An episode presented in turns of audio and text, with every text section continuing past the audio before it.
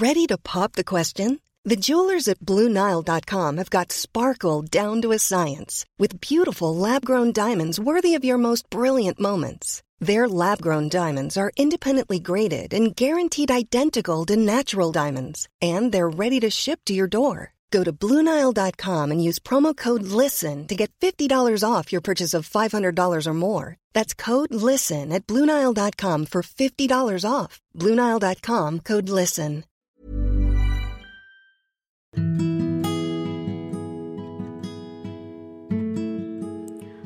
Maaf jika terkesan tidak berkesan, tapi aku harap ini memberi pesan. Hai, ini Pirda dan di podcast tentang menerima ini akan ada banyak hal-hal menarik. Jadi mari saling dengar, saling cerita dan menjadi teman baik di sini.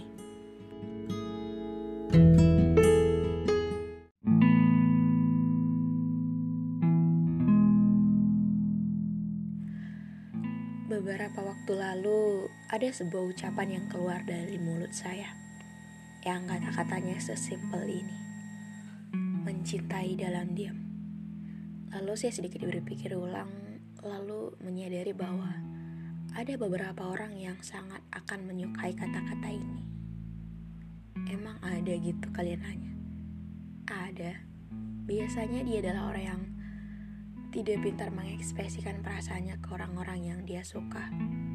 Dia suka, tapi bisanya cuma diam saja diam-diam kagum, diam-diam suka, dan diam-diam akhirnya mencintai dalam diam.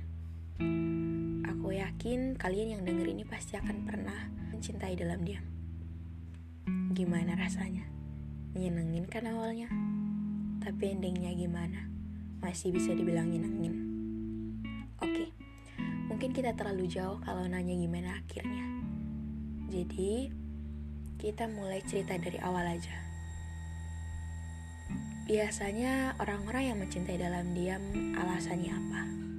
Oke, kita cari tahu dulu. Yang aku tahu dan setelah mikir juga aku nyadar beberapa alasannya. Misal, seseorang itu belum siap untuk menjalani sebuah hubungan, belum mau untuk melanjutkan ke sebuah komitmen gitu. Atau ada juga yang insecure mungkin karena orang yang dia suka mungkin sangat amat berbeda dengan dia. Ada juga yang masih trauma jadi untuk buka hati lagi belum dulu gitu. Dan ada juga yang memang karena sesuka itu. Jadi mangga, jadi nggak mau nanti kalau semisal pacaran kan takut putus gitu. Jadi lebih baik ya jangan dulu gitu. Eh, tapi jangan salah loh. Orang-orang yang biasanya mencintai dalam diam emangnya emangnya biasanya setulus itu. Dan biasanya karena kebanyakan uh, gak berharap lebih sih.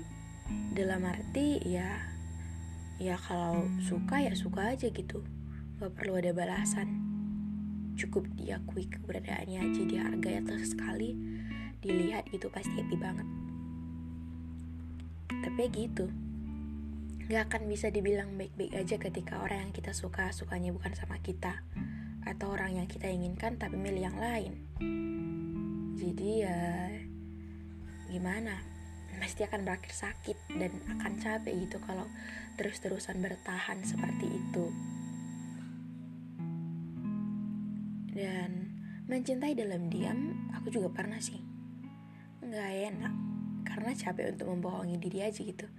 Kayak kita bilang, aku cuma kagum doang, padahal mencintainya sebegitunya Sampai-sampai lupa bahwa ini perasaan bukan lagi menyenangkan, tapi malah menyakitkan gitu. Dan kalau sudah sampai ke fase mencintai dalam diam bertahun-tahun, pasti akan susah nama yang namanya move on. Karena kita pasti sudah menjadikannya semenarik itu dan karena sudah sebegitu lamanya gitu. Dan seperti biasa, aku juga nanya ke teman-teman Instagram dan jawabannya beragam banget sih. Jadi mari kita coba lihat apa saja sih uh, yang teman-teman di Instagram tanggapi gitu.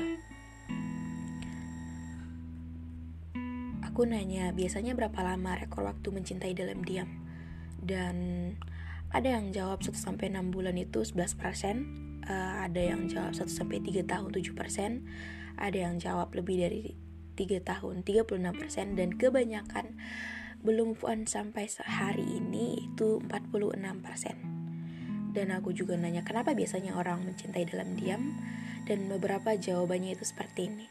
Jawaban orang pertama, karena mencintai dalam diam salah satu cara mengungkapkan rasa cinta tanpa melibatkan isyarat karena nanti takut menyakitkan.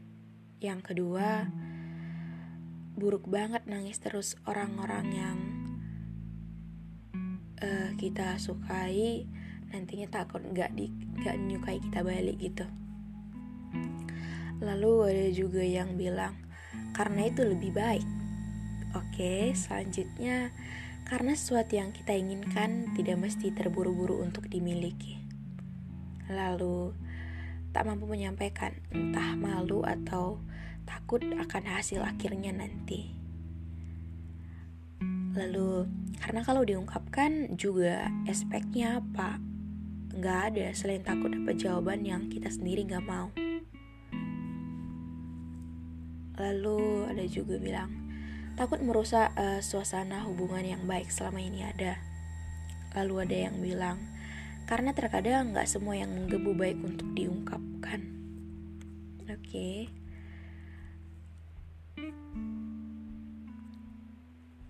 Lalu ada yang bilang apa lagi ya? Banyak sih sebenarnya jawabannya cuman kita eh, coba jadi jawaban yang agak spesifik gitu ya.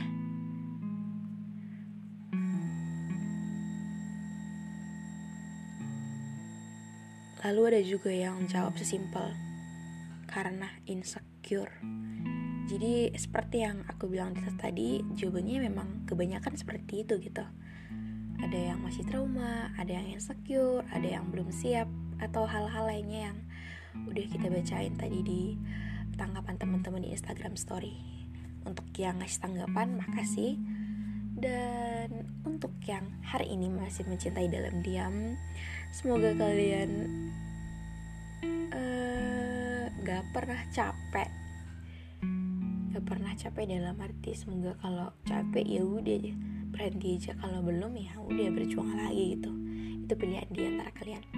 Uh, jadi ini aja sih yang mau aku sampaikan tentang uh, episode podcast kita kali ini. Jaga kesehatan semuanya yang belum follow boleh di follow dan untuk yang udah denger beberapa episode dari tentang menerima pasti akan bisa yang namanya kasih bintang 5 jadi boleh dong dikasih bintang 5 dan yang belum follow Instagram uh, aku di Firdayani Firdayani orang boleh di follow atau mau ngirim cerita juga boleh atau Instagram podcast di tentang underscore menerima juga boleh. Dan ya udah itu aja sih yang mau aku sampaikan di episode kali ini. Dan makasih